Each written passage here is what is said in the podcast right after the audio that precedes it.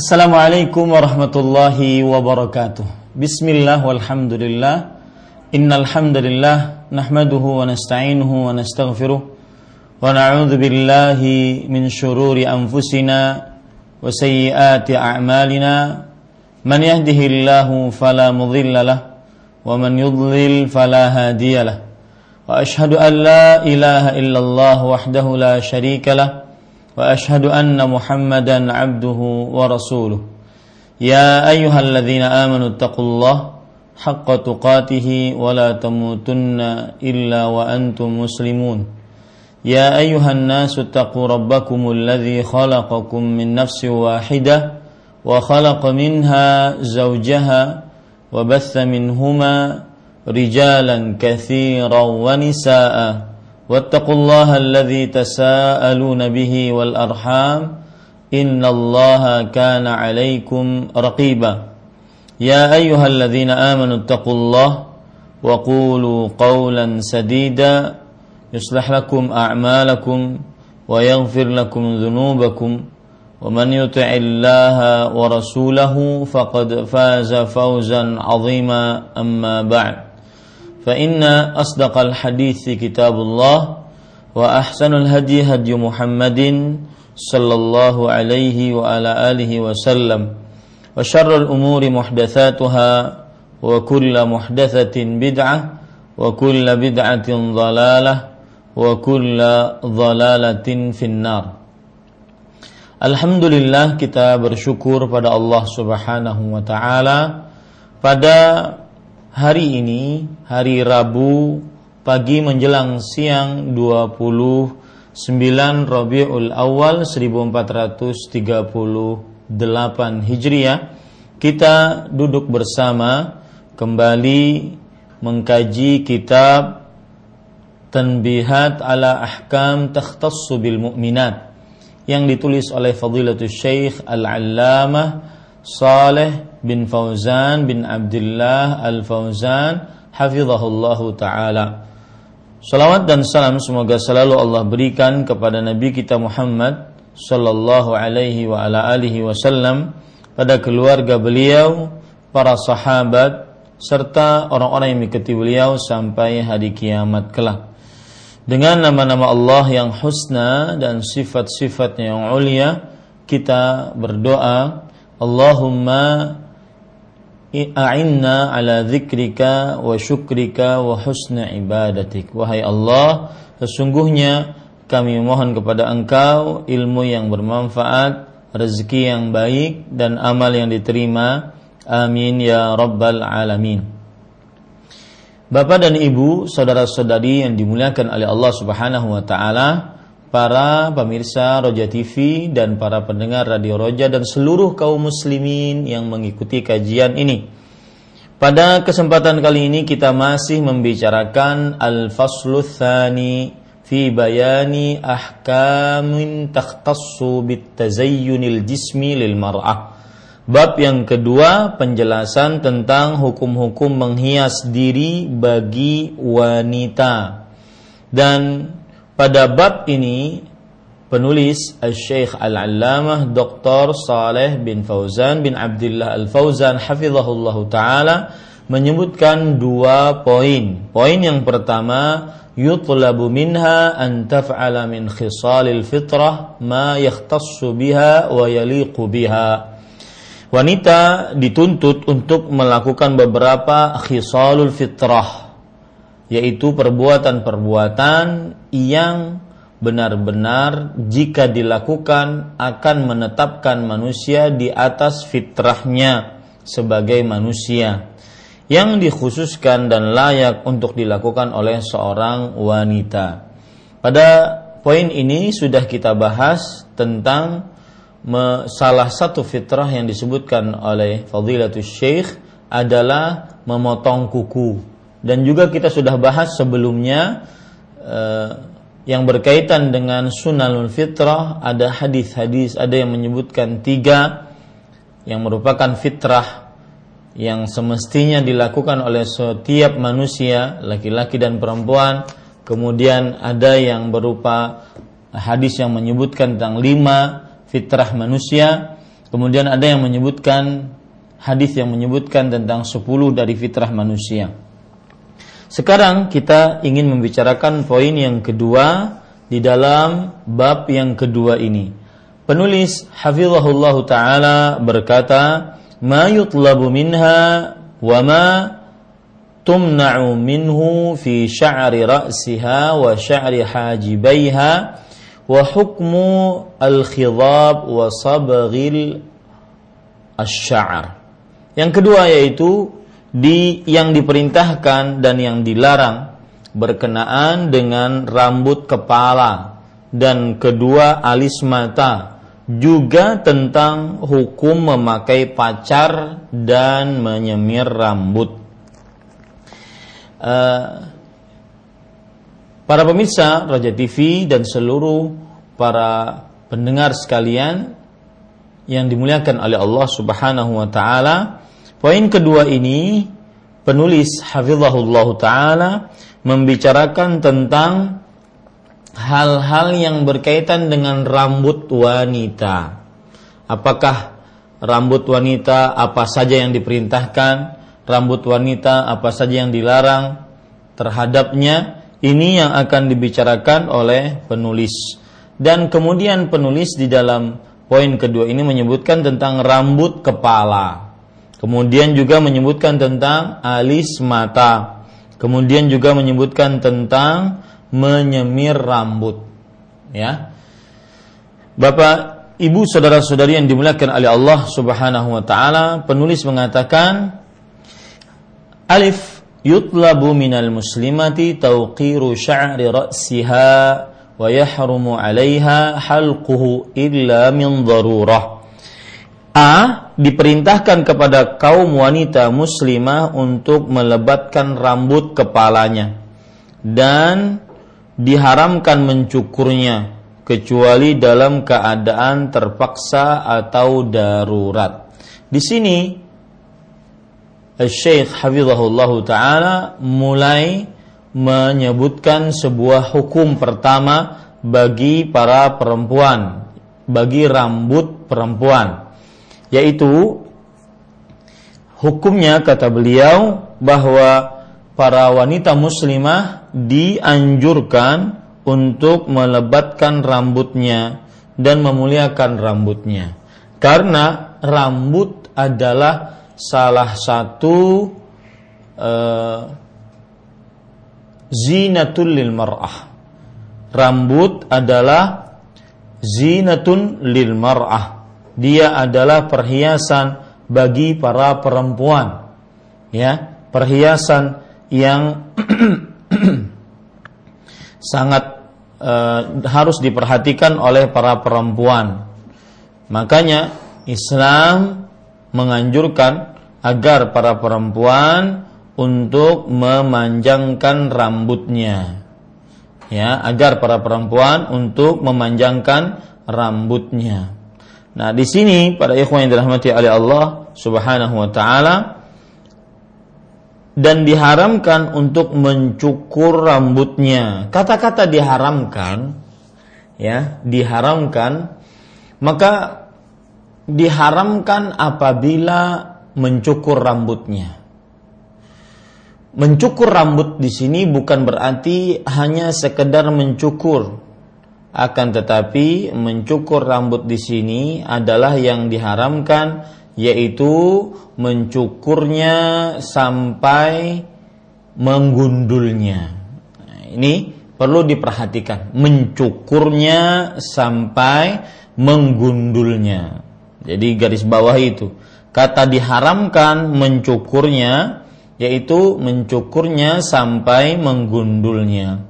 Adapun mencukurnya hanya sebatas seseorang untuk memperbaiki rambutnya, kemudian seseorang untuk memperbagus, mempercantik rambutnya, maka ini tidak mengapa, ya, tidak mengapa. Bapak Ibu saudara-saudari yang dimuliakan oleh Allah Subhanahu wa taala, Coba perhatikan sekali lagi di sini.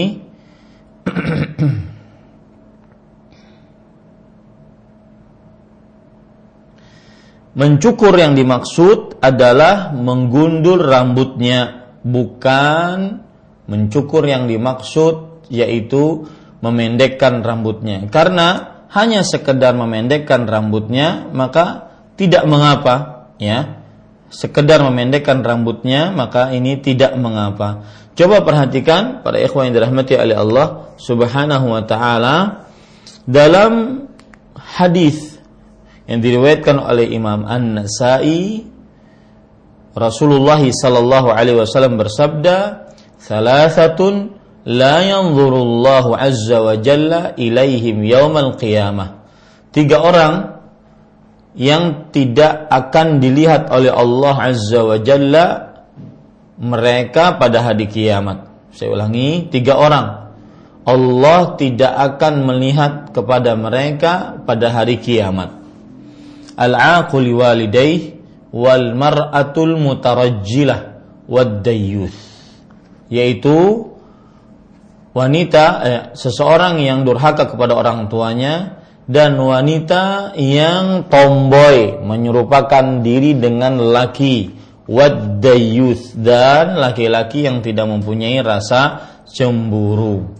Maka para ikhwah yang dirahmati oleh Allah Subhanahu wa taala Sekali lagi yang dimaksud dengan diharamkan mencukurnya adalah mencukurnya sampai menggundulnya atau mencukurnya sampai menyerupai seperti para lelaki.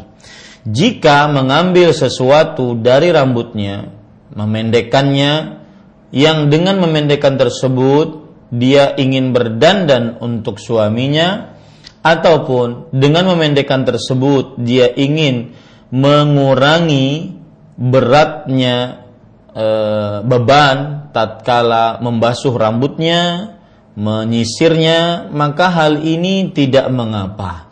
Hal ini tidak mengapa.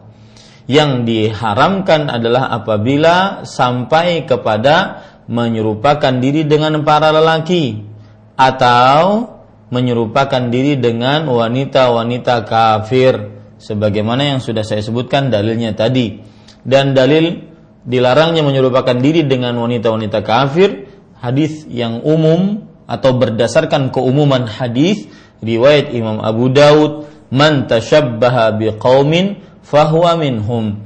Barang siapa yang menyerupakan dirinya dengan suatu kaum maka dia bagian dari kaum tersebut. Oleh karenanya jika terlepas dari dua yang tercela ini menyerupakan diri dengan laki-laki, menyerupakan diri dengan wanita-wanita kafir, maka tidak mengapa untuk memendekkan rambutnya karena belum ada dalil yang melarang seorang wanita untuk memotong rambutnya. Bahkan terdapat bahwa terdapat riwayat bahwa istri-istri Nabi Muhammad Sallallahu alaihi wa ala alihi wasallam mereka memendekkan rambut mereka sepeninggal Rasulullah Sallallahu alaihi wasallam. Sebagaimana dalam hadis riwayat Imam Muslim dari Abu Salamah bin Abdurrahman beliau bercerita aku menemui Aisyah radhiyallahu anha. Abu Salamah berarti keponakannya Aisyah. Ana wa akhuha min ar-radha'ah menemui anak Aisyah dan aku bersama saudaranya Aisyah sepesusuan. Jadi keponakannya datang bersama saudara Aisyah sepesusuan, saudara laki-laki menemui Aisyah radhiyallahu anha wa ardhaha. Lalu Abu Salamah bin Abdurrahman bertanya tentang bagaimana Nabi Muhammad uh, bagaimana mandinya Nabi Muhammad sallallahu alaihi wasallam. Lalu Aisyah radhiyallahu anha bercerita.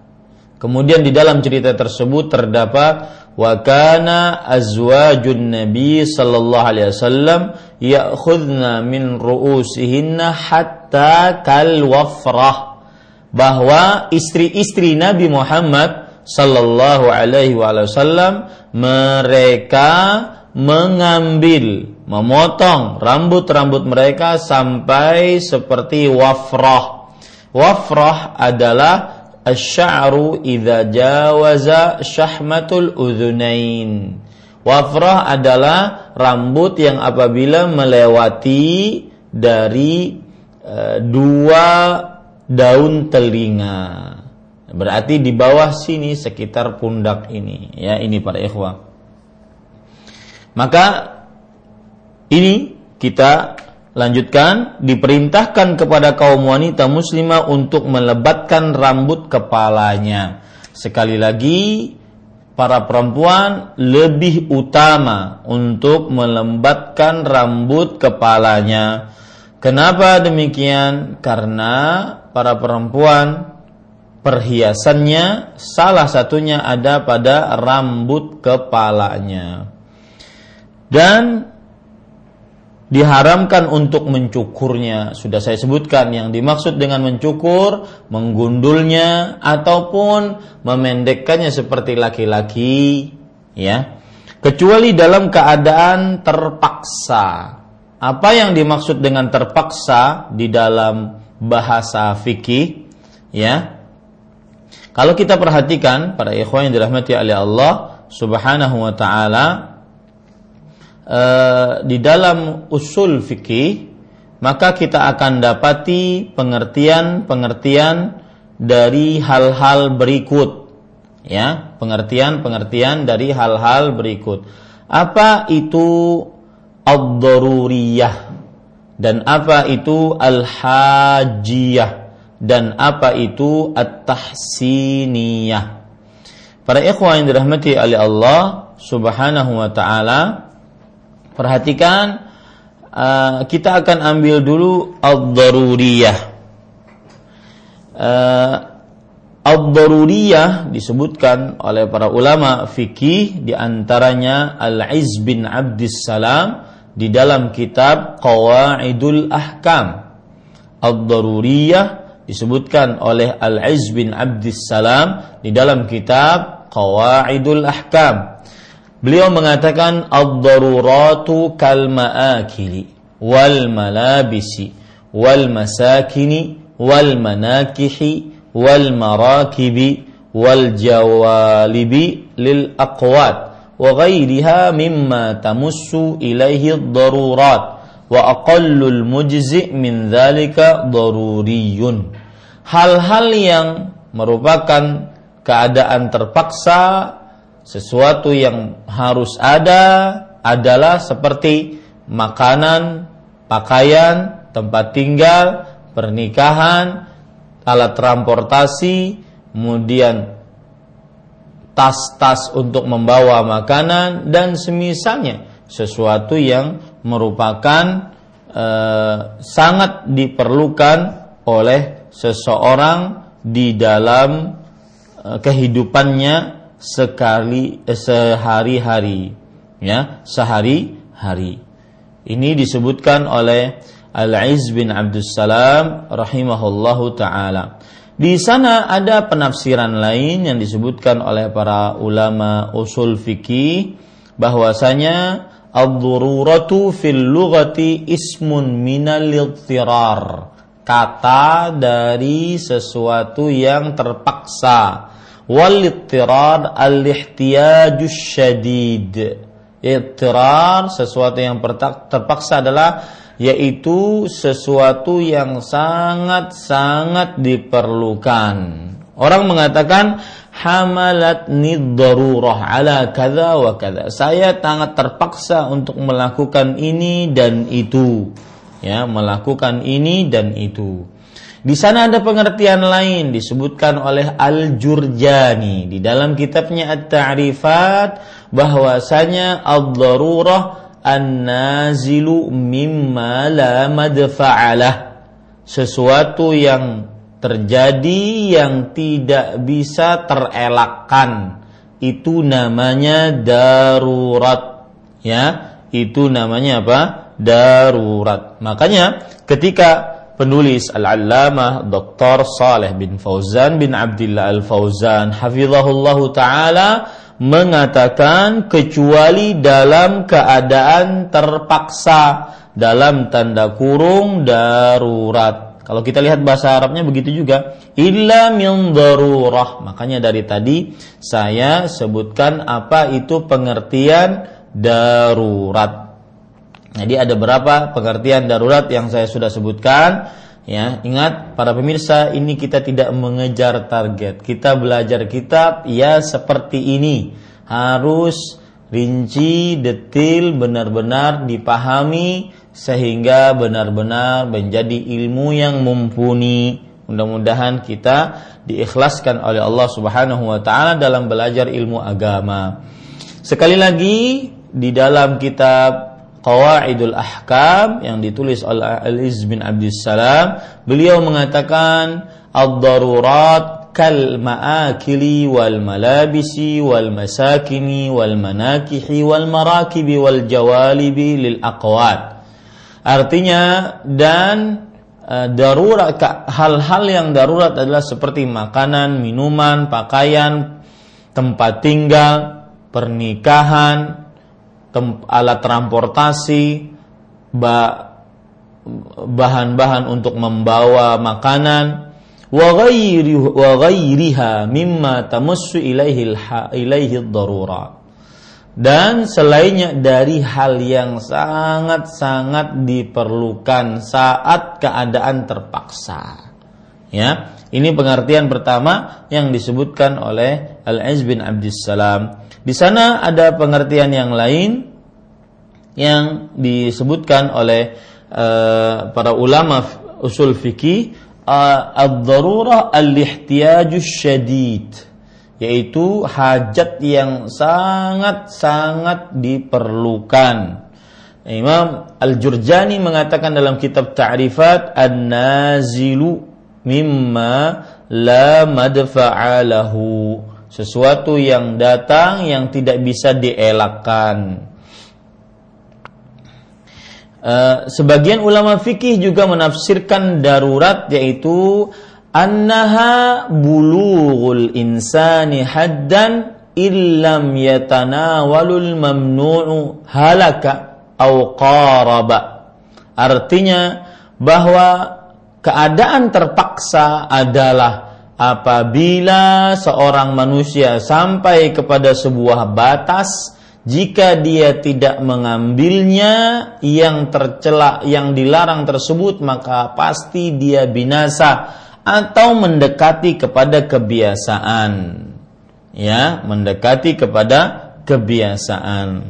Seperti orang yang terpaksa harus makan atau terpaksa harus berpakaian kalau seandainya dia dalam keadaan terus lapar atau terus telanjang, dia akan mati atau salah satu anggota tubuhnya akan rusak. Maka ini tidak mengapa. Saya beri contoh dalam keadaan temporer kita seperti misalkan Allah alam yaitu uh, seorang wanita yang mempunyai penyakit pada buah dadanya yang mewajibkan dia harus untuk menggundur rambutnya. Kalau tidak diwajibkan oleh tukang medis, oleh para ahli medis bahwa tetap saja rambutnya seperti itu maka dibiarkan walaupun rontok-rontok tetapi ketika di sangat dianjurkan oleh ahli medis maka pada saat itu agar kesembuhan dia ataupun menghilangkan rasa sakit yang ada pada salah satu dari anggota tubuhnya, maka pada saat itu itulah yang disebut dengan keadaan terpaksa. Adapun main sinetron, main film harus gundul, harus memotong rambut seperti lelaki atau seperti wanita-wanita kafir, maka ini keadaan terpaksa atau tidak, maka itu tidak terpaksa.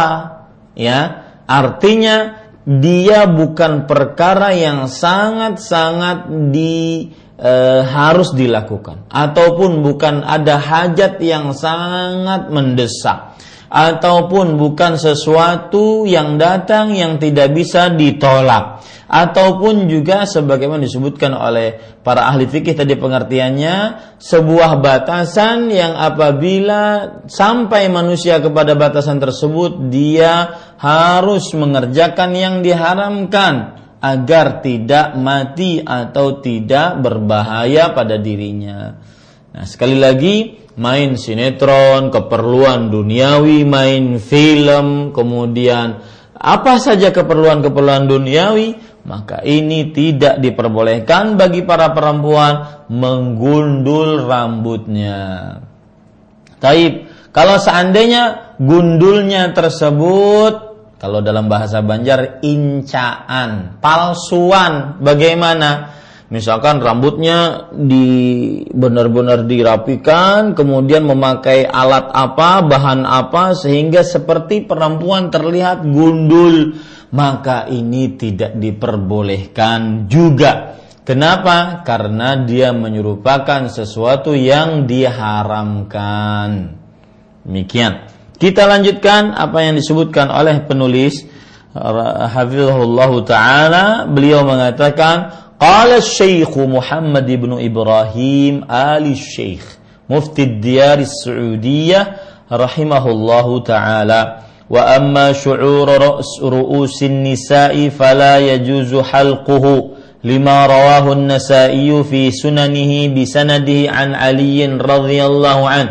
ورواه البزار بسنده في مسنده عن عثمان رضي الله عنه. ورواه ابن جرير بسنده عن إكرمة رضي الله عنه قال نهى رسول الله صلى الله عليه وعلى وسلم أن تحلق المرأة رأسها والنهي إذا جاء عن النبي صلى الله عليه وسلم فإنه يقتضي التحريم ما لم يرد له معارض Syekh Muhammad bin Ibrahim Alu Syekh Mufti negara Saudi rahimahullahu taala mengatakan Siapa Syekh Muhammad bin Ibrahim Alu Syekh Para ikhwan yang dirahmati oleh Allah Subhanahu wa taala perlu dikenal baik-baik bahwasanya di kerajaan Arab Saudi terdapat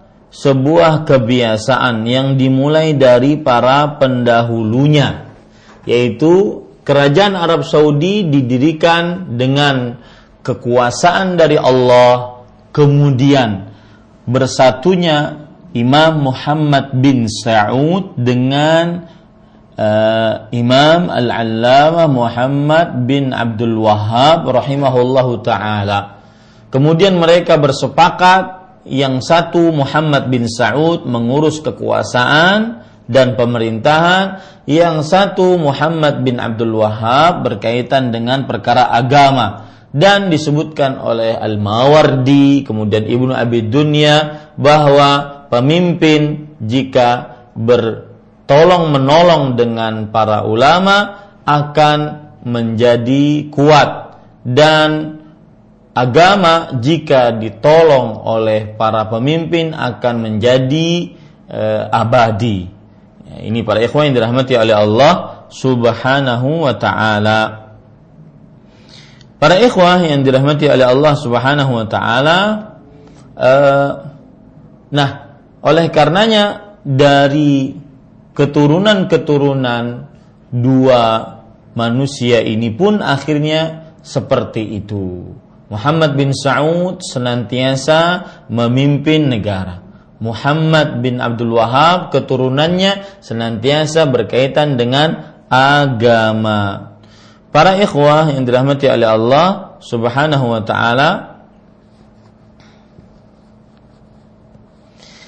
uh, sedikit tentang Syekh Muhammad bin Ibrahim. Nama lengkap beliau Muhammad bin Ibrahim bin Abdul Latif bin Abdul Rahman bin Hasan bin Imam Muhammad bin Abdul Wahab bin Sulaiman bin Ali At-Tamimi rahimahullahu taala.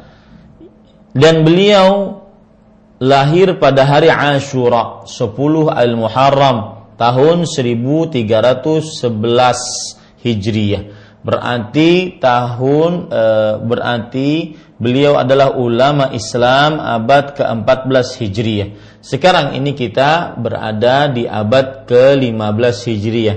Sekitar 100 tahun yang lalu beliau e, hidup ya dan beliau para ikhwan yang dirahmati oleh Allah Subhanahu wa taala adalah salah satu uh, ulama besar dan juga ahli fatwa, ketua ahli fatwa kerajaan Arab Saudi. Itu sedikit tentang beliau dan kata-kata Syekh Muhammad bin Ibrahim Alu Syekh. Alu di sini adalah artinya keluarga. Alu di sini artinya adalah keluarga. Syekh Alu Syekh itu artinya keluarga dari Syekh Muhammad bin Abdul Wahab. Ingat itu, apabila di dalam negara Arab Saudi ada seorang yang bernama Alu Syekh, maka itu berarti adalah keturunan dari Syekh Muhammad bin Abdul Wahab bin Sulaiman bin Ali At-Tamimi rahimahullahu taala yang beliau lahir pada tahun 1115 Hijriyah. Dan seperti misalkan sekarang eh, ketua ahli fatwa kerajaan Arab Saudi dan ketua majelis ulama besar Arab Saudi dan ketua komite tetap untuk panitia eh, untuk ketua panitia tetap untuk riset ilmiah dan fatwa kerajaan Arab Saudi yaitu Syekh Saleh bin uh, Abdul Aziz bin uh, Saleh bin Abdul Aziz Ali Syekh. Saleh bin Abdul Aziz Ali Syekh. Ya. Ada yang menjadi ketua Majelis Ulama Besar dan ada yang menjadi menteri agama. Kalau di belakangnya Al Syekh maka itu berarti keturunan dari Al Syekh Muhammad bin Abdul Wahab rahimahullahu taala. Beliau mengatakan Perhatikan para ikhwan yang dirahmati oleh Allah Subhanahu wa taala, beliau mengatakan, adapun rambut kepala wanita tidak boleh dicukur sebagaimana hadis yang diriwayatkan oleh An-Nasai dalam kitab Sunannya. Kata-kata tidak boleh dicukur sebagaimana yang sudah saya sebutkan yaitu tidak boleh mencukur gundul rambut kepalanya. Ya, tidak boleh mencukur gundul rambut kepalanya. Sebagaimana hadis yang diriwayatkan oleh Imam An-Nasai. Imam An-Nasai salah satu imam besar di zamannya yaitu beliau ahli hadis ya. Beliau adalah ahli hadis. E, nama asli beliau Ahmad bin Shu'aib An-Nasai. Ahmad bin Shu'aib An-Nasai. Dan beliau ini ulama Islam abad ketiga Hijriyah. Abad ketiga Hijriyah. Beliau wafat pada tahun 303 Hijriyah. Atau lebih tepatnya masehinya yaitu 915 ya. Dan para ikhwan yang dirahmati oleh Allah beliau di samping ahli hadis beliau juga adalah uh, hakim. Jadi beliau juga penguasa, ya. Dan Bapak Ibu saudara-saudari yang dimuliakan oleh Allah Subhanahu wa taala uh, beliau tinggal di Mesir, lahirnya di kota Ramallah. Di kota Ramallah, ya. Dan uh, afwan, tinggal di Mesir dan lahirnya di kota Nasa yang berada di negara Turkmenistan. Dahulu ada negara Turkmenistan.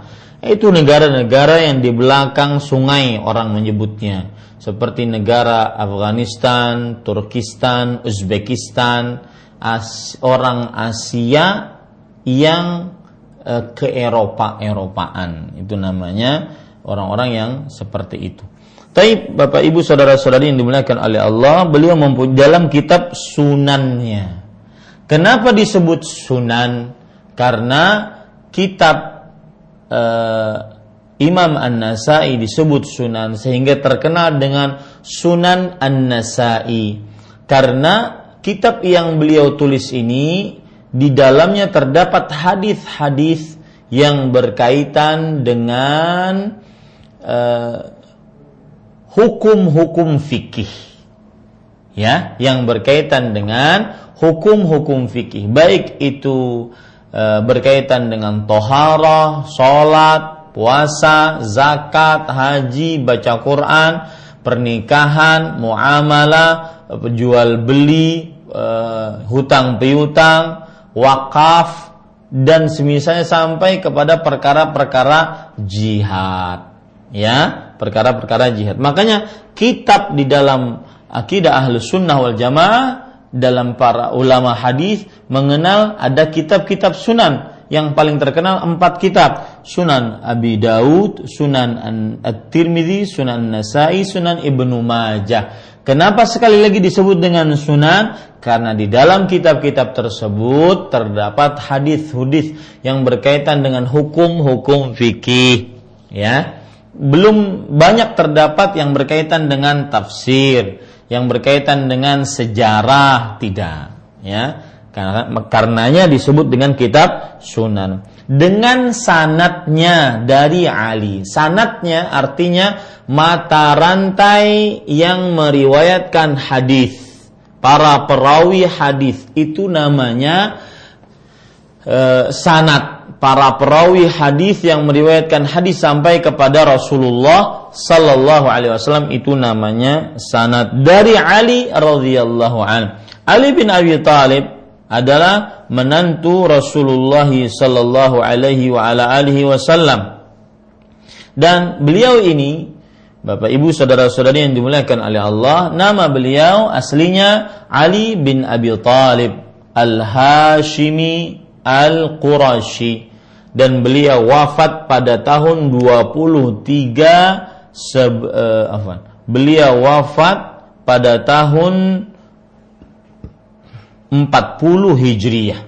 40 Hijriyah, ya. Dan beliau adalah salah satu uh, sahabat yang sangat terkenal di zaman Rasulullah Sallallahu Alaihi wa ala alihi Wasallam dan menantu Rasulullah sallallahu alaihi wa ala alihi wasallam. Dan juga beliau adalah anak pamannya Nabi Muhammad sallallahu alaihi wasallam. Berarti sepupu ya. Abu Talib adalah paman Nabi Muhammad sallallahu alaihi wasallam dan berarti itu adalah sepupu Ali bin Abi Talib. Kemudian uh, beliau juga terkenal dengan orang yang masuk Islam pertama kali dari kalangan eh, anak-anak kecil. Ya, dari kalangan anak-anak kecil. Kemudian juga beliau terkenal dengan uh, orang yang dicintai oleh Allah dan Rasulnya. Suatu ketika Rasul Shallallahu Alaihi Wasallam mengabarkan kepada para sahabatnya radhiyallahu anhum bahwasanya Eh, saya akan memberikan bendera kepada seseorang yang mencintai Allah dan Rasulnya dan Allah dan Rasulnya mencintai dia. Maka besok harinya para sahabat setelah malam harinya begitu luar biasa membicarakan siapa yang akan diberi ternyata Rasul Shallallahu Alaihi Wasallam mencari Ali bin Abi Thalib. Kemudian disebutkan bahwa innahu yashku min ainai. Beliau sedang merasa sakit pada kedua matanya.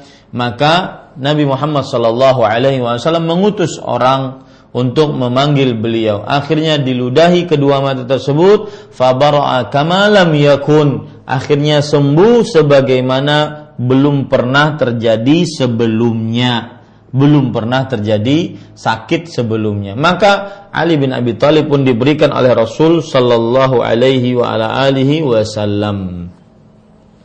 Ya, ini Bapak Ibu saudara-saudari yang dimuliakan oleh Allah Subhanahu wa taala. Dan beliau adalah eh, khalifah yang keempat dari khulafaur rasyidun yang kita diperintahkan untuk mengikuti sunnah dan ajaran dari khalifah-khalifah Rashidah tersebut. Rasul Shallallahu Alaihi Wasallam bersabda, "Alaikum bi sunnati wa sunnatil khulafa'ir rasyidin al mahdiyyin min ba'di." Hendaknya kalian berpegang teguh kepada sunnahku dan sunnah-sunnah khalifah Rashidah sebelumku eh setelahku dan di salah satu khalifah Rashidah ada Ali bin Abi Talib radhiyallahu an kemudian Ali bin Abi Talib radhiyallahu anhu salah satu keistimewaannya adalah beliau orang yang dijamin oleh Rasulullah sallallahu alaihi wasallam masuk ke dalam surga. Nabi Muhammad sallallahu alaihi wasallam menjawab Aliun fil jan eh, berkata Aliun fil jannah bahwa Ali bin Abi Talib radhiyallahu anhu di dalam surga. Para ikhwan yang dirahmati oleh Allah Subhanahu wa taala, kita lanjutkan dan kita ahli sunnah wal jamaah, mohon maaf.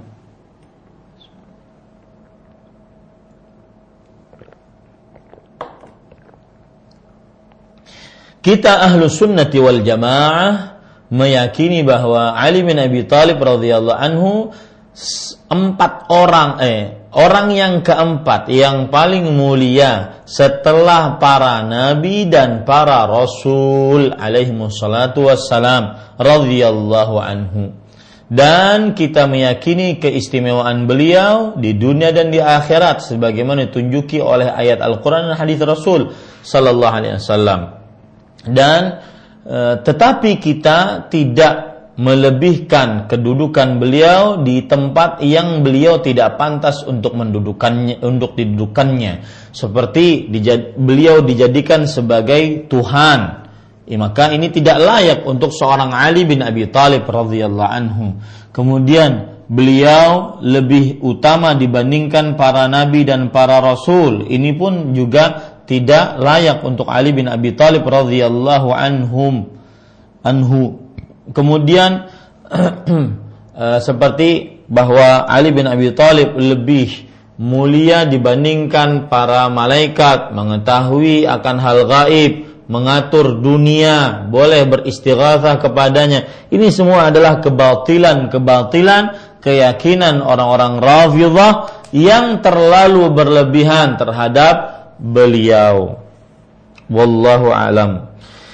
Di sini disebutkan dengan sanatnya dari Ali bin Abi Thalib juga berdasarkan hadis yang diriwayatkan oleh Al Bazzar. Para ikhwan yang dirahmati oleh Allah Subhanahu wa taala, Al Bazzar adalah salah seorang ulama hadis. Ya, salah seorang ulama hadis yang mempunyai kitab Musnad Al Bazzar. Yang mempunyai kitab Musnad Al Bazzar dan eh, beliau para ikhwah nama asli beliau adalah Ahmad bin Amr bin Abdul Khaliq Al-Bazzar. Muhammad bin Amr bin Abdul Khaliq Al-Bazzar. Dan beliau ini uh, ulama Islam abad ketiga Hijriyah. Karena meninggal pada tahun 292 Hijriyah. Jadi beliau abad ketiga Hijriyah. Beliau mempunyai kitab Al-Musnad. Apa itu kitab Al-Musnad? Ya. Maka para ikhwah, apa bedanya dengan kitab As-Sunan?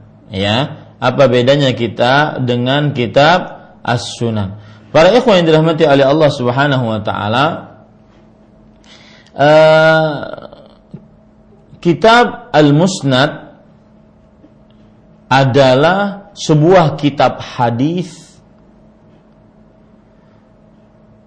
Sebuah kitab hadis yang di dalamnya terdapat hadis-hadis Rasul Shallallahu Alaihi Wasallam diatur berdasarkan urutan para sahabat.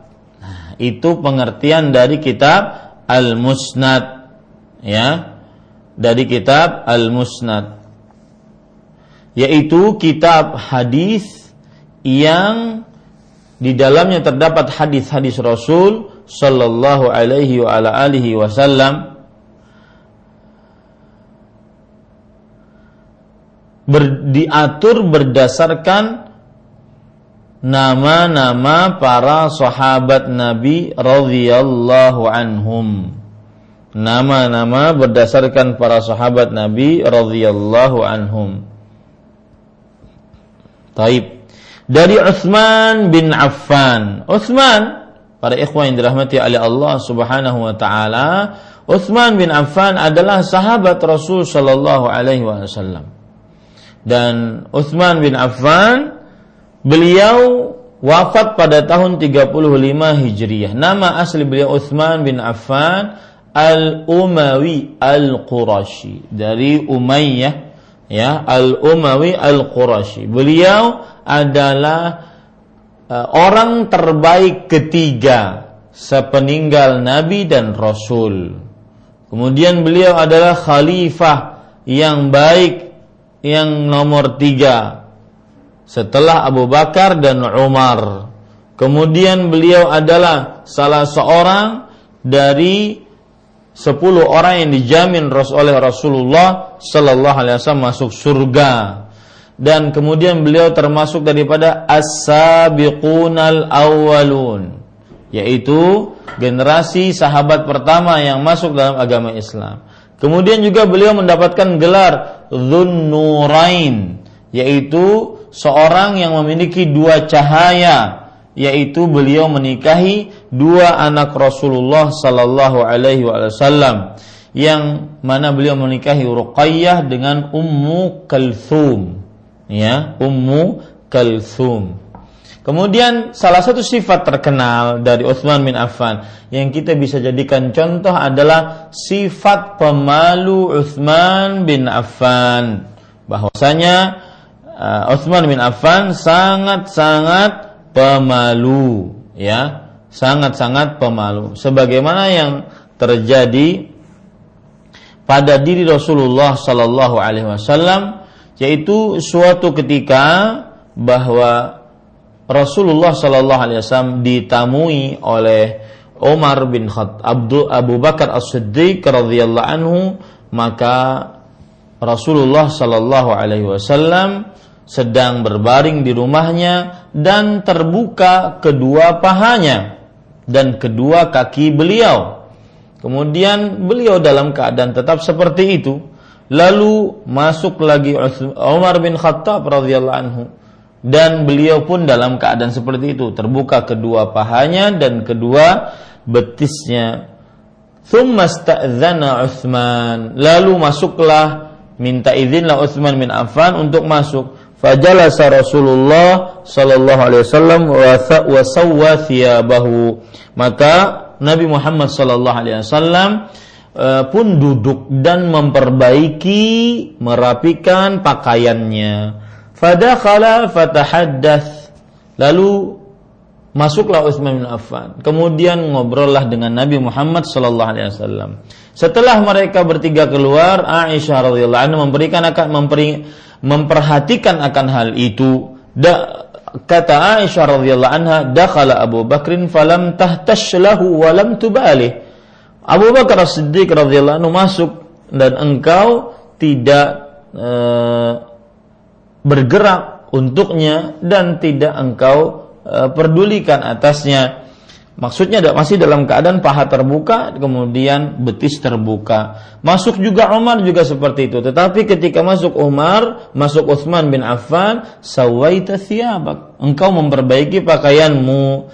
Maka Rasulullah sallallahu alaihi wasallam bersabda, "Ala astahi min rajulin tastahi minhul malaika apakah aku tidak malu terhadap seseorang yang mana para malaikat malu terhadapnya hadis riwayat muslim dalam riwayat yang lain riwayat muslim yang lain inna uthmana rajulun hayyun wa inni khashitu in adzintu lahu ala tilkal hal alla yablugha ilayya fi hajatihi. Sesungguhnya Utsman bin Affan adalah seorang laki-laki yang pemalu dan aku takut jika aku izinkan akan hal itu kemudian aku dalam keadaan seperti itu alla yablugha ilayya fi hajatihi. Maka dia tidak akan menyampaikan kepadaku hajatnya ya, tidak akan menyampaikan kepadaku hajatnya.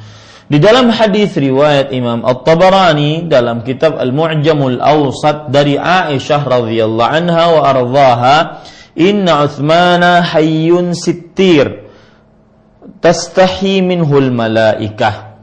Sungguhnya Utsman bin Affan sangat pemalu dan sangat menutup diri. Para malaikat malu darinya. Hadis ini disahihkan oleh Imam Albani rahimahullahu taala di dalam Sahihul Jami'. Nah, ini para ikhwan yang dirahmati oleh Allah Subhanahu wa taala. Lihat lagi riwayat yang lain dan ini semua riwayat saya sengaja perbanyak terutama bagi para perempuan di zaman sekarang apalagi ya kembangkan tumbuhkan tambahkan sifat malu bagi para perempuan. Di rumah makan tertawa terbahak-bahak ngobrol dengan cekikikan suara kelantang didengar oleh laki-laki yang bukan mahramnya tidak ada rasa malu kurang sifat hishmahnya. Hishmah itu lembut, santun bagi perempuan, ya, tidak sangar, garang, ya, dan semisalnya. Lihat hadis riwayat Imam Ahmad dari uh, Hasan bin Ali bin Abi Thalib radhiyallahu anhu, beliau menceritakan uh, tentang saking pemalunya Uthman. In kana la yakunu fil baiti wal babu alaihi mughlaq fama yadha'u anhu thawba liyufidha alaihi al-ma yamna'u al-haya an yuqima sulbahu. Subhanallah. Kalau seandainya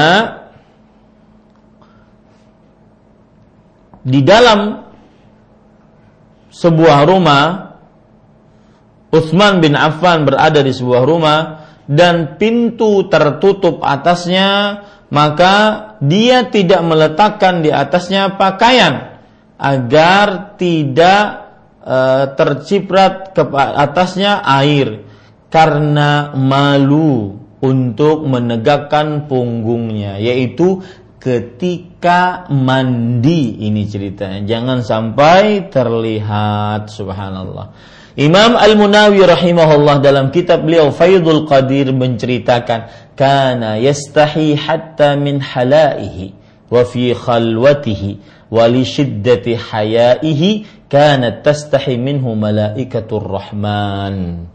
Bahkan beliau malu sampai kepada uh, kepada uh, cucu-cucunya ya. Bahkan ketika di dalam keadaan sendirian dan saking pemalunya sampai para malaikat Allah yang paha pengasih malu terhadap Utsman bin Affan. Contoh itu terutama anti saudariku wahai kaum muslimah terutama di zaman sekarang berdesak-desakan dengan laki-laki yang bukan mahram berdua-duaan dengan laki-laki yang bukan mahram, membuka aurat, mana rasa malu yang didapati oleh para perempuan tersebut. Serta hadis yang diriwayatkan oleh Ibnu Jarir. Para ikhwan yang dirahmati oleh Allah, Ibnu Jarir di sini adalah uh, ahli dan imamul mufassirin. Ya, ahli dan imam mufassirin. Nama beliau Muhammad bin Jarir bin Yazid bin Kathir yang terkenal dengan Imam Abu Ja'far At-Tabari. Beliau wafat pada tahun 310 Hijriyah. Ya, berarti beliau adalah ulama Islam abad keempat Hijriyah. Dengan sanatnya dari Ikrimah. Para ikhwan yang dirahmati oleh Allah Subhanahu wa taala, Ikrimah adalah salah seorang uh, murid dari Abdullah bin Abbas radhiyallahu anhum anhuma ya. Dan beliau namanya Ikrimah bin Abdullah Al-Barbari. Ikrimah bin Abdullah Al-Barbari. Dan beliau ini ulama Islam, ulama salaf pada abad ke-2 Hijriah, meninggal pada 105 Hijriah. Semua riwayat itu menyebutkan tentang riwayat Rasulullah Sallallahu Alaihi Wasallam telah melarang seorang wanita mencukur rambutnya. Sekali lagi ingat kata-kata mencukur di sini lebih baik diterjemahkan dengan menggundul rambutnya. Kemudian penulis membawakan Syekh eh, perkataan Syekh Muhammad Ibrahim al Syekh tadi, larangan yang dikatakan oleh Nabi Muhammad sallallahu alaihi wasallam merupakan keputusan yang haram. Ya, merupakan keputusan yang ha, yang berarti haram selama tidak ada keterangan lain yang bertentangan dengan pernyataan itu. Para ikhwah yang dirahmati oleh Allah Subhanahu wa taala ketahuilah bahwasanya di dalam Islam ada yang dikenal dengan nama larangan ya. Maka eh, ini kita sedikit berbicara tentang ilmu fikih apa pengertian larangan baik secara bahasa ataupun secara istilah syar'i. Para ikhwan yang dirahmati oleh Allah Subhanahu wa taala, larangan ya di dalam bahasa Arab namanya an-nahyu. Secara bahasa al-man'u yaitu sesuatu yang terlarang, sesuatu yang terlarang. Adapun secara istilah syar'i maka para ikhwan yang dirahmati oleh Allah Subhanahu wa taala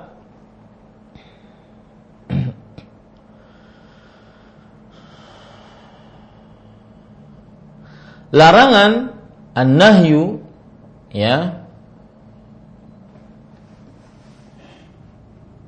uh, sebelumnya saya ingin menjelaskan lagi uh, para ulama menyebutkan bahwasanya al-aqlu akal nahyah akal sebagai larangan. Karena melarang orang yang berakal untuk masuk ke dalam perkara-perkara yang menyelisihi hal yang benar. Ya menyelisih perkara hal yang benar. Nah, ini namanya larangan. Adapun secara istilah syar'i larangan adalah talabu kaffin talabu kaffin an fi'lin ala wajhil isti'la talabul kaffi an anil fi'li ala wajhil isti'la yaitu meminta menahan untuk melakukan sesuatu atas dorongan dari at, eh, eh, dengan dorongan dari atas. Saya ulangi, Nahyu talabu kaffin an fi'lin ala wajhil isti'la. Artinya meminta, menahan, melakukan sesuatu atas dorongan dari orang yang lebih kuat. Ya, dari orang yang lebih kuat. Para ikhwan yang dirahmati oleh Allah Subhanahu wa taala, ketika kita katakan talabu kaffin meminta menahan untuk melakukan sesuatu. Berarti ini keluar darinya perintah. Karena kalau kita berbicara perintah berarti dia adalah meminta untuk melakukan sesuatu. Sedangkan larangan meminta untuk tidak melakukan sesuatu. Ya ini para ikhwan yang dirahmati oleh Allah Subhanahu wa taala Kemudian juga ketika kita katakan atas dorongan dari yang lebih kuat, ini berarti keluar darinya, tidak masuk darinya, yaitu berupa doa. Doa, karena doa itu tidak atas dorongan dari yang lebih kuat. Ya, seperti itu.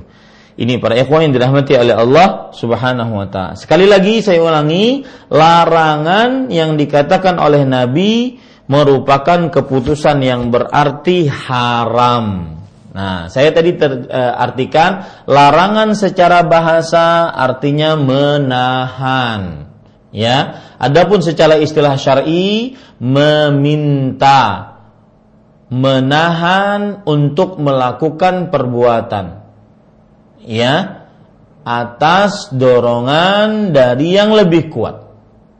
Atas dorongan dari yang lebih kuat. Ketika Nabi melarang, maka berarti Nabi Muhammad sallallahu alaihi wasallam meminta kepada kita untuk tidak melakukan perbuatan tersebut dengan permintaan yang menekan dengan permintaan yang menekan yang apabila dihukumi maka hukuman hukum larangan ini asal hukumnya adalah pengharaman. Ya. Selama tidak ada keterangan lain yang bertentangan dengan pernyataan itu setiap larangan berkonsekuensi kepada keharaman. Setiap larangan berkonsekuensi kepada larangan eh, keharaman keharaman apa pengertian haram para ikhwan yang dirahmati oleh Allah Subhanahu wa taala haram adalah salah satu hukum dari lima hukum yang ada di dalam fikih Islam.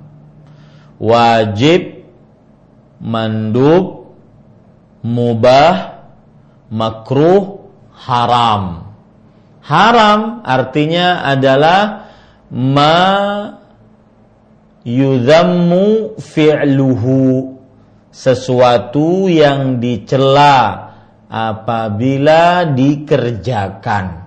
Atau pengertian yang lain daripada keharaman adalah ma tuwu'ida bi'iqabihi fi'luhu yang dijanjikan siksanya apabila dikerjakan.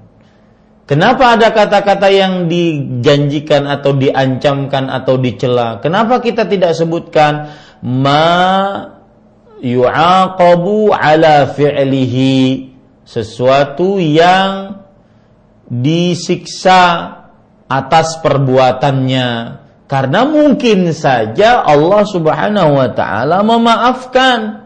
Mungkin saja Allah Subhanahu wa taala memaafkan. Makanya para ulama usulul fiqih mengatakan bahwa pengertian haram adalah ma yudhammu fi'luhu. Sesuatu yang dicela perbuatannya atau sesuatu yang jika dikerjakan dicela pelakunya ya atau sesuatu yang jika dikerjakan diancam siksa pelakunya. Tidak mesti harus disiksa, diancam siksa pelakunya.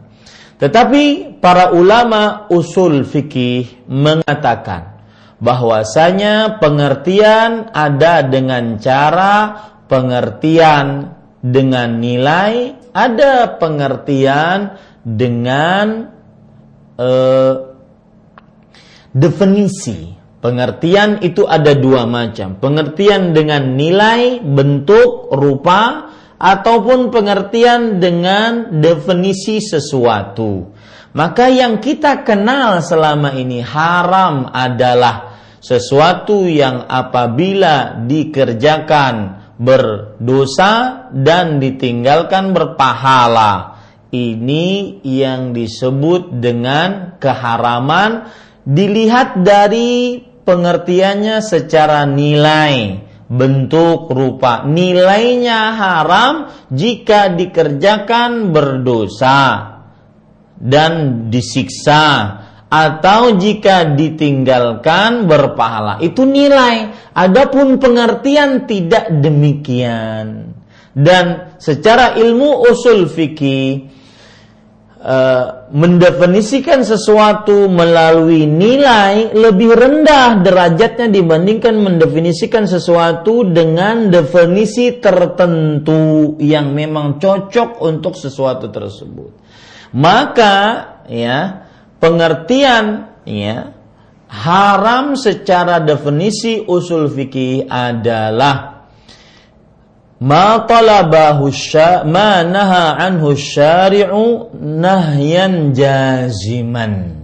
Artinya sesuatu yang dilarang oleh syariat dengan larangan yang keras. Nah itu pengertian haram secara definisi haram saya ulangi ya dari awal. Para pemirsa yang dirahmati oleh Allah Subhanahu wa taala.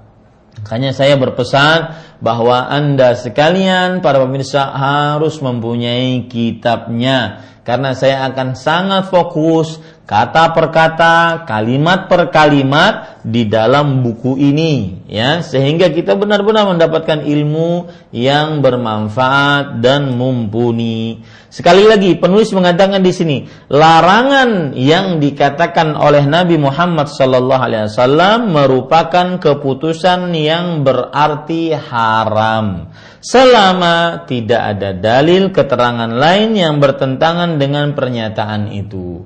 Nah, tadi sudah saya sebutkan larangan artinya secara bahasa adalah penahanan, ditahan. Ataupun e, arti secara istilah syar'i yaitu talabu kaffin ala fi'lin ala jihati an fi'lin ala jihatil isti'la. Meminta menahan untuk melakukan sesuatu atas dorongan yang lebih kuat. Ini larangan secara terminologi syariat. Meminta sesuatu untuk menahan melakukan perbuatan atas dorongan yang lebih kuat. Ya, Nabi kita Muhammad Sallallahu Alaihi Wasallam melarang para perempuan untuk mencukur, menggundul rambut kepalanya. Berarti Nabi kita Muhammad SAW meminta dengan permintaan yang menekan agar para perempuan menahan dari menggundul rambutnya. Nah, begitu. Ya. Kemudian penulis di sini mengatakan bahwa larangan konsekuensinya kepada keharaman. Haram adalah salah satu hukum Islam yang lima. Hukum Islam yang lima apa? Yaitu wajib, mandub, mubah, makruh, kemudian haram. Haram pengertiannya yang sering Bapak Ibu para pendengar dan para pemirsa sekalian dirahmati oleh Allah Subhanahu wa taala sebutkan haram artinya yang sering dengar adalah apabila dikerjakan berdosa, ditinggalkan berpahala. Betul? Betul. Taib. Sampai di sini kita ingin mengkupas lebih dalam. Lebih baik pengertian haram kita cukupkan dengan seperti ini, yaitu haram adalah yang dicela apabila dikerjakan. Itu lebih simple, apalagi dalam urusan definisi semestinya lebih simple, yaitu yang dicela apabila dikerjakan. Yang dicela apabila dikerjakan. Kenapa pakai kata-kata dicela? tidak disiksa karena mungkin Allah dengan sifat pemaafnya memaafkan orang yang melakukan keharaman selama itu bukan kesyirikan, kekafiran atau munafik i'tiqadi. Mungkin Allah maafkan. Makanya para ulama usul fikih ma yudhammu fi'luhu sesuatu yang dicela jika dikerjakan. Atau definisi lain, sesuatu yang diancam dengan siksa jika dikerjakan. Ma tuwu'ida bil iqab ala fi'lihi, sesuatu yang dicela dengan siksa jika diancam. Ya, baik. Kalau seandainya sudah demikian, tetapi saya jelaskan tadi sudah bahwa pengertian tersebut hanya berdasarkan nilai, bentuk atau rupa, nilainya saja. Sedangkan pengertian dalam ilmu usul fikih yang lebih kuat bukan pengertian dengan nilai, tetapi pengertian dengan definisi, hakikat sesuatu. Maka para ulama usul fikih mengatakan haram pengertiannya adalah manaha anhu syari'u nahyan jaziman. Sesuatu yang dilarang oleh pemilik syariat dengan larangan yang sangat tegas, sangat keras. Nah, itu haram. Ya, yang nilainya jika dikerjakan be, diancam siksa. Nah, begitu, ya, diancam siksa. Ini para ikhwah yang dirahmati oleh Allah Subhanahu wa taala. Waktu kita habis Bapak Ibu saudara-saudari yang dimuliakan oleh Allah Mudah-mudahan kita bisa lanjutkan pada pertemuan yang akan datang. Masih tersisa tentang permasalahan Yaitu memotong rambut. Termasuk di dalamnya mencukur rambut, menggondol rambut. Insya Allah Ta'ala pada kesempatan yang akan datang Kita akan sambung. Dan saya ingin minta perhatian bahwa nama-nama dan juga istilah-istilah yang ada di dalam kitab ini yang disebutkan oleh Fadilatul Syekh Dr. Saleh Fauzan bin Abdullah bin Fauzan hafizahullahu taala akan kita jelaskan kecuali yang sudah sebelumnya kita jelaskan kita akan lewati saja karena ini baru-baru maka ada beberapa istilah-istilah yang e, kita jelaskan jadi mohon dimaklumi dan begitulah membaca kitab-kitab di dalam kajian-kajian. Wallahu alam wa sallallahu nabiyana Muhammad rabbil alamin. Nah, saya kembalikan kepada pembawa acara.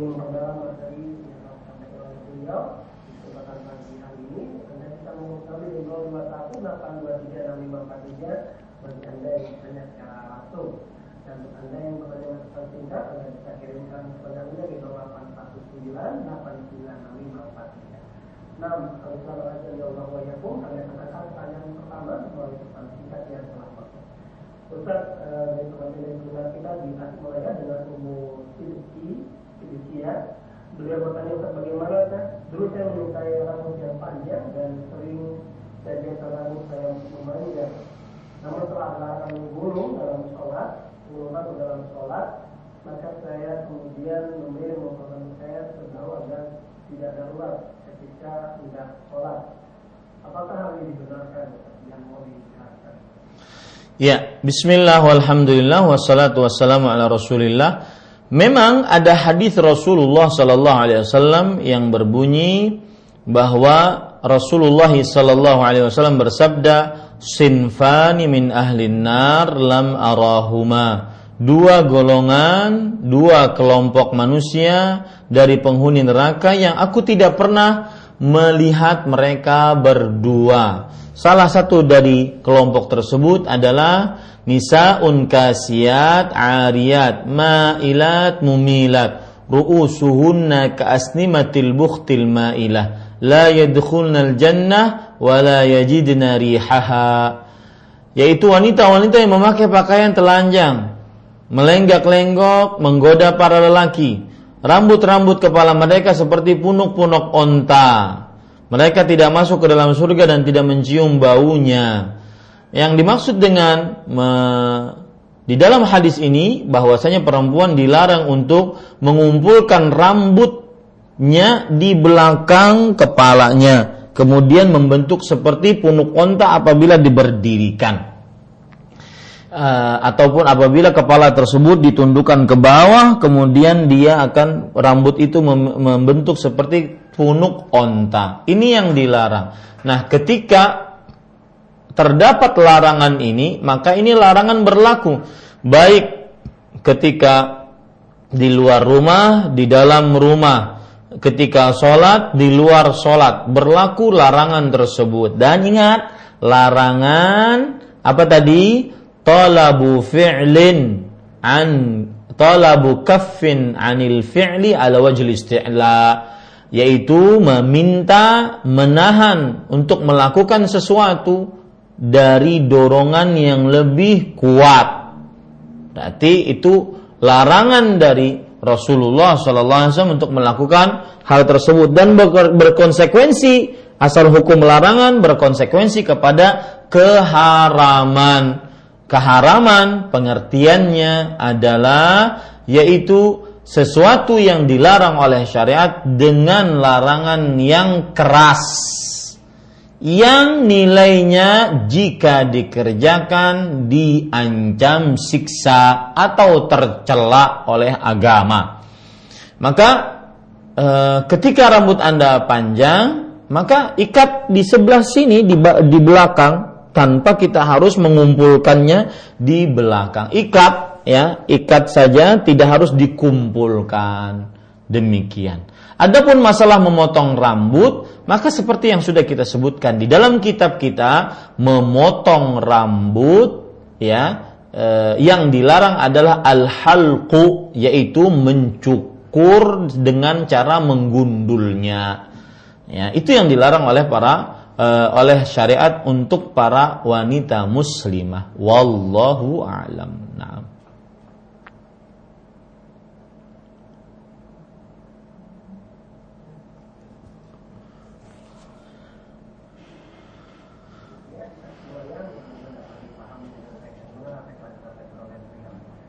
Makanya selama dari Allah itu masih tanyakan tanya mereka singkat Ustaz mohon dijelaskan. Apakah larangan menggundul itu juga termasuk bagi anak-anak perempuan yang berusia 10 tahun atau di bawah 10 tahun? Karena masalah rambut itu karena banyaknya kutu yang membuat uh, anak tersebut kegatalan sehingga harus memotong rambut hingga dulu. Apakah juga ini termasuk dilarang bagi wanita yang ya anak-anak Ya, bismillah walhamdulillah wassalatu wassalamu ala rasulillah. Para pemirsa yang dirahmati oleh Allah Subhanahu wa taala, Rasulullah sallallahu alaihi wasallam bersabda dari hadis sahabat Samurah radhiyallahu anhu diriwayatkan oleh Imam Tirmizi, "Al-ghulamu murtahanun bi'aqiqatihi." Yuzbahu anhu yawm as-sabi' wa yusamma wa yuhlaqu ra'suh. Artinya para anak-anak kecil tergadaikan dengan akikahnya, disembelihkan atasnya pada hari ketujuhnya hewan sembelihan akikah dan diberi nama dan digundul rambutnya. Hadis riwayat Imam Tirmidzi dan disahihkan oleh Imam Albani rahimahullah. Dalil ini menunjukkan dianjurkannya menggundul rambut bagi bayi yang baru lahir dan terjadi perselisihan di antara para ahli fikih tentang menggundul rambut bagi bayi perempuan. Imam ma atau madhab Maliki dan madhab Syafi'iyah mengatakan bahwasanya uh, bayi perempuan tetap digundul sebagaimana bayi laki-laki. Sedangkan madhab Hambali menyatakan bahwasanya bayi perempuan tidak digundul. Dan e, madhab yang berpendapat bahwa bayi perempuan tetap digundul, mereka berpendapat dengan hadis riwayat Imam Malik dan juga Imam Baihaqi yang diriwayatkan secara mursal dari Muhammad bin Ali ibn Husain. Muhammad bin Ali bin Husain. Beliau bercerita wazan wazanat Fatimah binti Rasulullah sallallahu alaihi wasallam sya'ra Hasanin wa Husainin wa Zainab wa Umma Kalthum fatasaddaqat bi zinati dzalika fiddatan bahwa Fatimah radhiyallahu anha binti Rasulullah sallallahu alaihi wasallam uh, menimbang rambut Hasan, Husain, Zainab dan Ummu Kalthum. Kemudian beliau bersedekah seberat rambut-rambut tersebut dengan harga perak. Ya, dan hadis ini diriwayatkan secara marfu' sampai kepada Rasulullah dari Ali bin Abi Thalib radhiyallahu anhu anna Rasulullah sallallahu alaihi wasallam amara Fatimah an tatasaddaqa bi zinati sya'ril Husaini fiddatan bahwa Rasulullah sallallahu alaihi wasallam memerintahkan kepada Fatimah untuk bersedekah dengan berat rambut Husain dengan sedekah dari perak. Nah, ini para ikhwah dan Imam Nawawi mengatakan hadis ini lemah.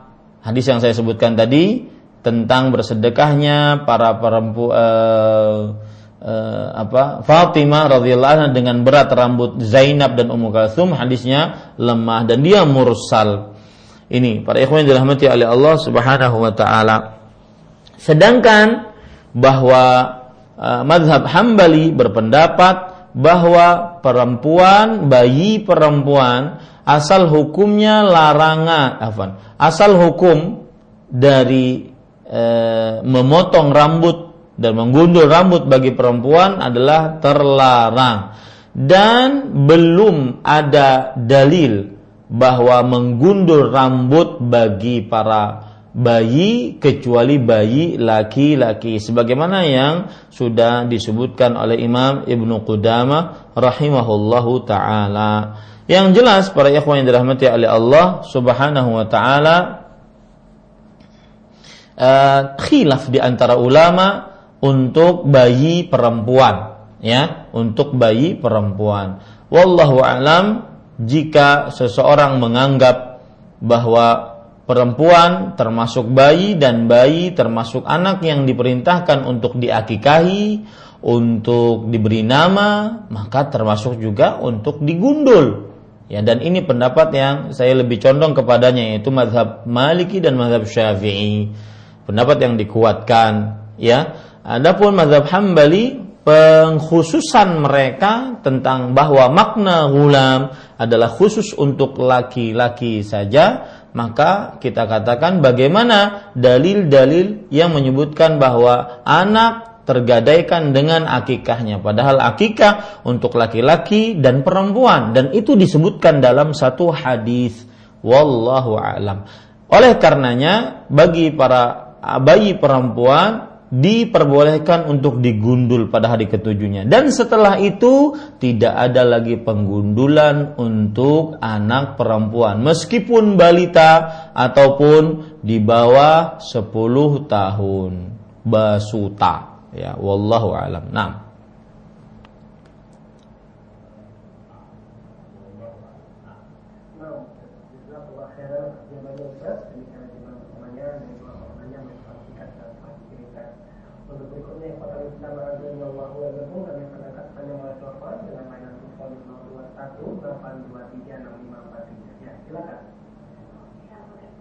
Waalaikumsalam warahmatullahi wabarakatuh dengan siapa ibu dan di mana?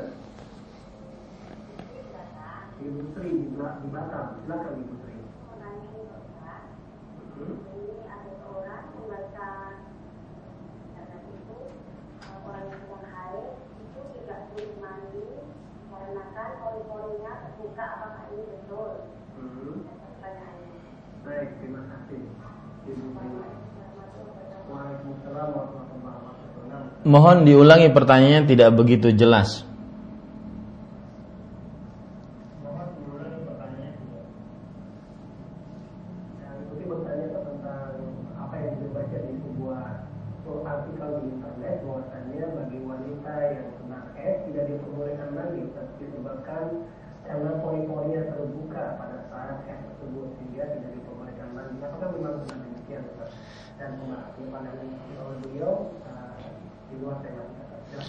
Ya, bismillah walhamdulillah wassalatu wassalamu ala rasulillah. Ya benar ini pembahasan di luar tema kita tetapi tidak mengapa kita menjawab selama sudah ditanya.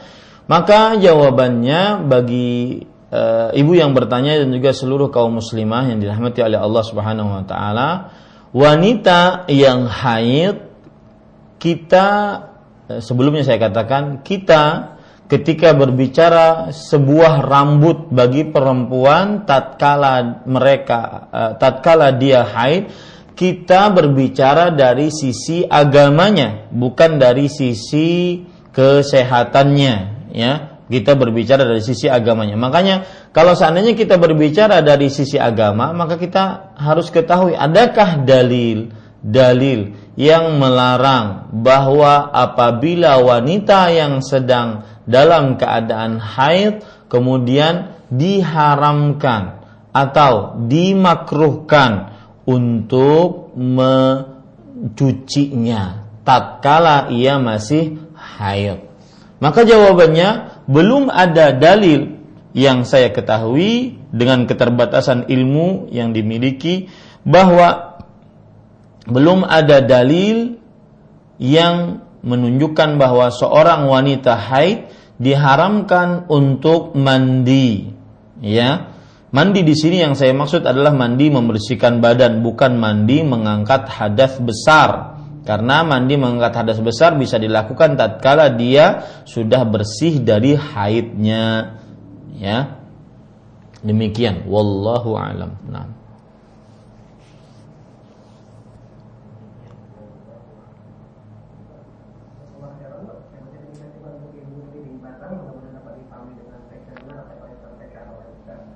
Bapak Islam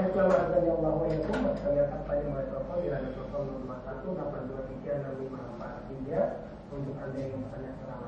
Ya, silakan. Ya, silakan. ya, silakan. Saya tunggu. Kita tunggu kembali pertanyaan dari para pemirsa dan pendengar radio yang di mana anda berada. Bagi Anda yang bertanya secara langsung, Anda bisa menghubungi kami di 021 823 6543. Assalamualaikum. Ya, Waalaikumsalam warahmatullahi wabarakatuh. Dengan siapa Bapak dan di mana? Uh, mau tanya Ustaz. Ya, dengan siapa Bapak? Mohon maaf. Abu Abu Akbar Abu Akbar di mana Abu Akbar?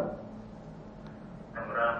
Ya, silakan. Ini mohon maaf di luar tema ya. Nah, ya, Tapi silakan. terkait awal ini, Hmm. Boleh nggak uh, seorang wanita beristri ke bersuami ya? Di sedikit kalau ada diurut message gitu, Hmm. kalau dari wanita lain.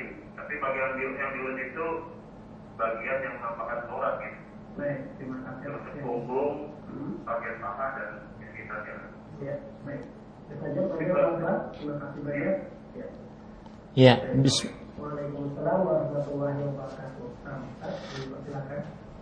Bismillah walhamdulillah wassalatu wassalamu ala rasulillah. Jazakallahu khairan atas pertanyaannya kepada Bapak Abu Abbad dari Tangerang. Eh, Aurat seorang wanita kepada wanita Rasulullah Shallallahu alaihi wasallam bersabda La yanzur rajulu ila auratir rajuli walal mar'atu ila auratil mar'ah tidak boleh seorang lelaki melihat kepada aurat seorang lelaki dan tidak boleh seorang perempuan melihat kepada aurat seorang perempuan. Nah, berarti di sini kita harus letakkan dulu batasan aurat lelaki dan batasan aurat perempuan sehingga hadis yang berupa larangan tadi agar kita jauhi karena asal hukumnya adalah keharaman. Maka Bapak Ibu saudara-saudari yang dimuliakan oleh Allah, batasan aurat karena yang ditanya adalah perempuan, batasan aurat bagi wanita muslimah adalah aurat-aurat besarnya. Aurat-aurat besarnya. Batasan aurat wanita muslimah di hadapan wanita muslimah adalah aurat-aurat besarnya. Untuk dilihat. Lihat kata-kata saya untuk dilihat. Seperti misalkan uh, kobul dan kubul dan dubur. Dan juga buah dada. Kubul dan dubur dan juga buah dada ini diharamkan untuk dilihat kecuali dalam keadaan darurat atau terpaksa yang sudah kita sebutkan pengertiannya tadi. Lihat di sini kan pentingnya kita menjelaskan pengertian tadi.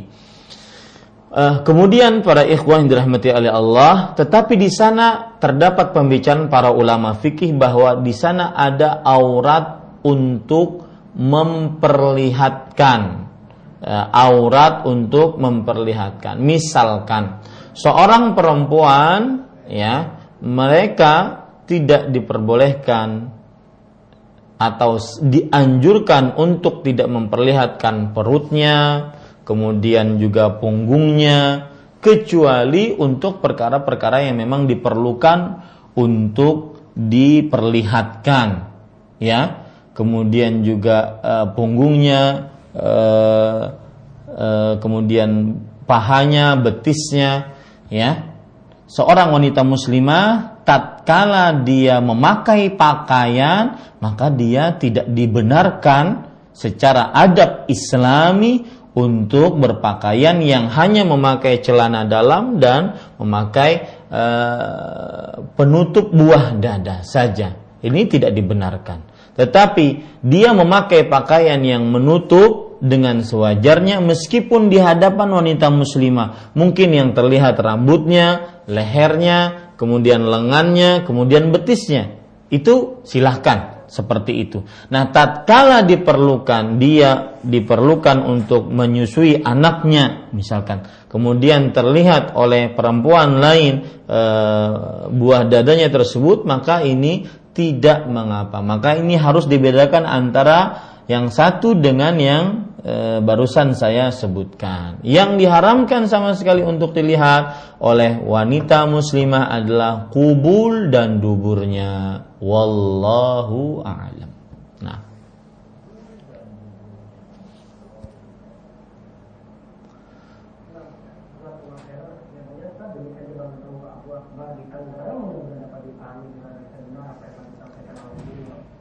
Pada Islam dan Imam itu masih kami akan satu pertanyaan terakhir kesempatan pagi hari ini kita akan angkat melalui illallah. Waalaikumsalam warahmatullahi wabarakatuh dengan siapa bapak dan di mana? Dengan Abu Maryam di Depok. Abu Maryam di Depok. Silakan Abu Maryam. Eh, begini Ustaz, eh, mau tanya, saya kan anak saya itu masih. Hmm. Nah, yang saya ingin tanyakan, sejak kapan kita mulai mendidik dia untuk memakai hijab? Gitu Ustaz, karena eh, saya amati kalau anak saya dibiasakan makan tangan kiri pun dia lama-lama juga makan tangan kiri. Apakah memakai hijab juga memang harus dididik sejak kecil dan apakah Rasulullah dan para sahabat juga mendidik hal yang sama? Baik. Seperti itu Ustaz, terima kasih. Terima kasih Abu Maryam. Khairan. Warahmatullahi wabarakatuh. Nah, Ustaz, silakan Ustaz.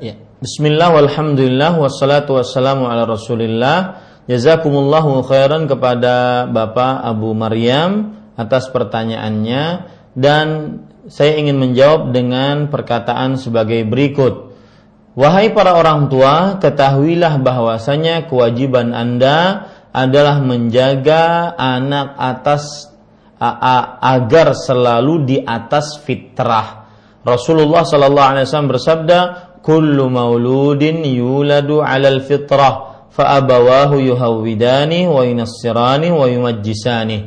Setiap anak dilahirkan di atas fitrah, maka lalu kedua orang tuanya lah yang menjadi penyebab utama dia menjadi Yahudi ataupun Nasrani ataupun Majusi. Allah Subhanahu wa taala berfirman dalam surat At-Tahrim ayat 6, "Ya ayyuhalladzina amanu qu anfusakum wa ahlikum nara." Wahai orang yang beriman, jagalah diri kalian, keluarga kalian dari api neraka. Rasulullah Shallallahu Alaihi Wasallam bersabda dalam hadis riwayat Imam Muslim, "Ma min muslimin yastar'ihi Allahu ra'iyatan yauma yamutu wa huwa ghashin li ra'iyati illa haramun alaihi jannah." Tidaklah seorang muslim diberikan wewenang untuk memimpin keluarganya, orang-orang yang di bawah pimpinannya. Kemudian dia mati dalam keadaan dia sedang menipu orang-orang yang di bawah kepemimpinannya. Bapak menipu anaknya, suami menipu istrinya dan anak-anaknya, ibu menipu anaknya dan semisalnya. Melainkan orang seperti ini akan diharamkan dari surga. Maka itu ingat baik-baik. Senantiasa kita harus menjaga adab-adab Islam dan mengajarkan kepada mereka akhlak-akhlak Islam kepada anak-anak kita. Meskipun dari mulai semenjak dini dan para ulama ahli hikmah mengatakan al ilmu fis sigari kan naqshi 'alal hajar mengajari di waktu kecil seperti memahat di batu. Nah, berkenaan dengan pertanyaan tadi, mulai kapan kita mengajari anak kita untuk menjaga auratnya, mengenalkan kepada dia dia adalah wanita muslimah, menjauhkan mengenalkan kepada dia agar bahwa ada namanya hijab, ada namanya jilbab, ada namanya mahram, ada namanya orang-orang yang bukan mahram dan semisalnya. Maka jawabannya dari mulai semenjak dini, semenjak dia bisa memahami apa yang kita lakukan, apa yang kita inginkan. Mulai semenjak dini, ya. Mulai semenjak dini, meskipun diwajibkannya tatkala mereka sudah balik. Tapi jangan sampai menunggu mereka balik karena membiasakan semenjak dini akan memudahkan dia untuk bisa dengan sunnah-sunnah Rasul Sallallahu Alaihi Wasallam. Wallahu alam.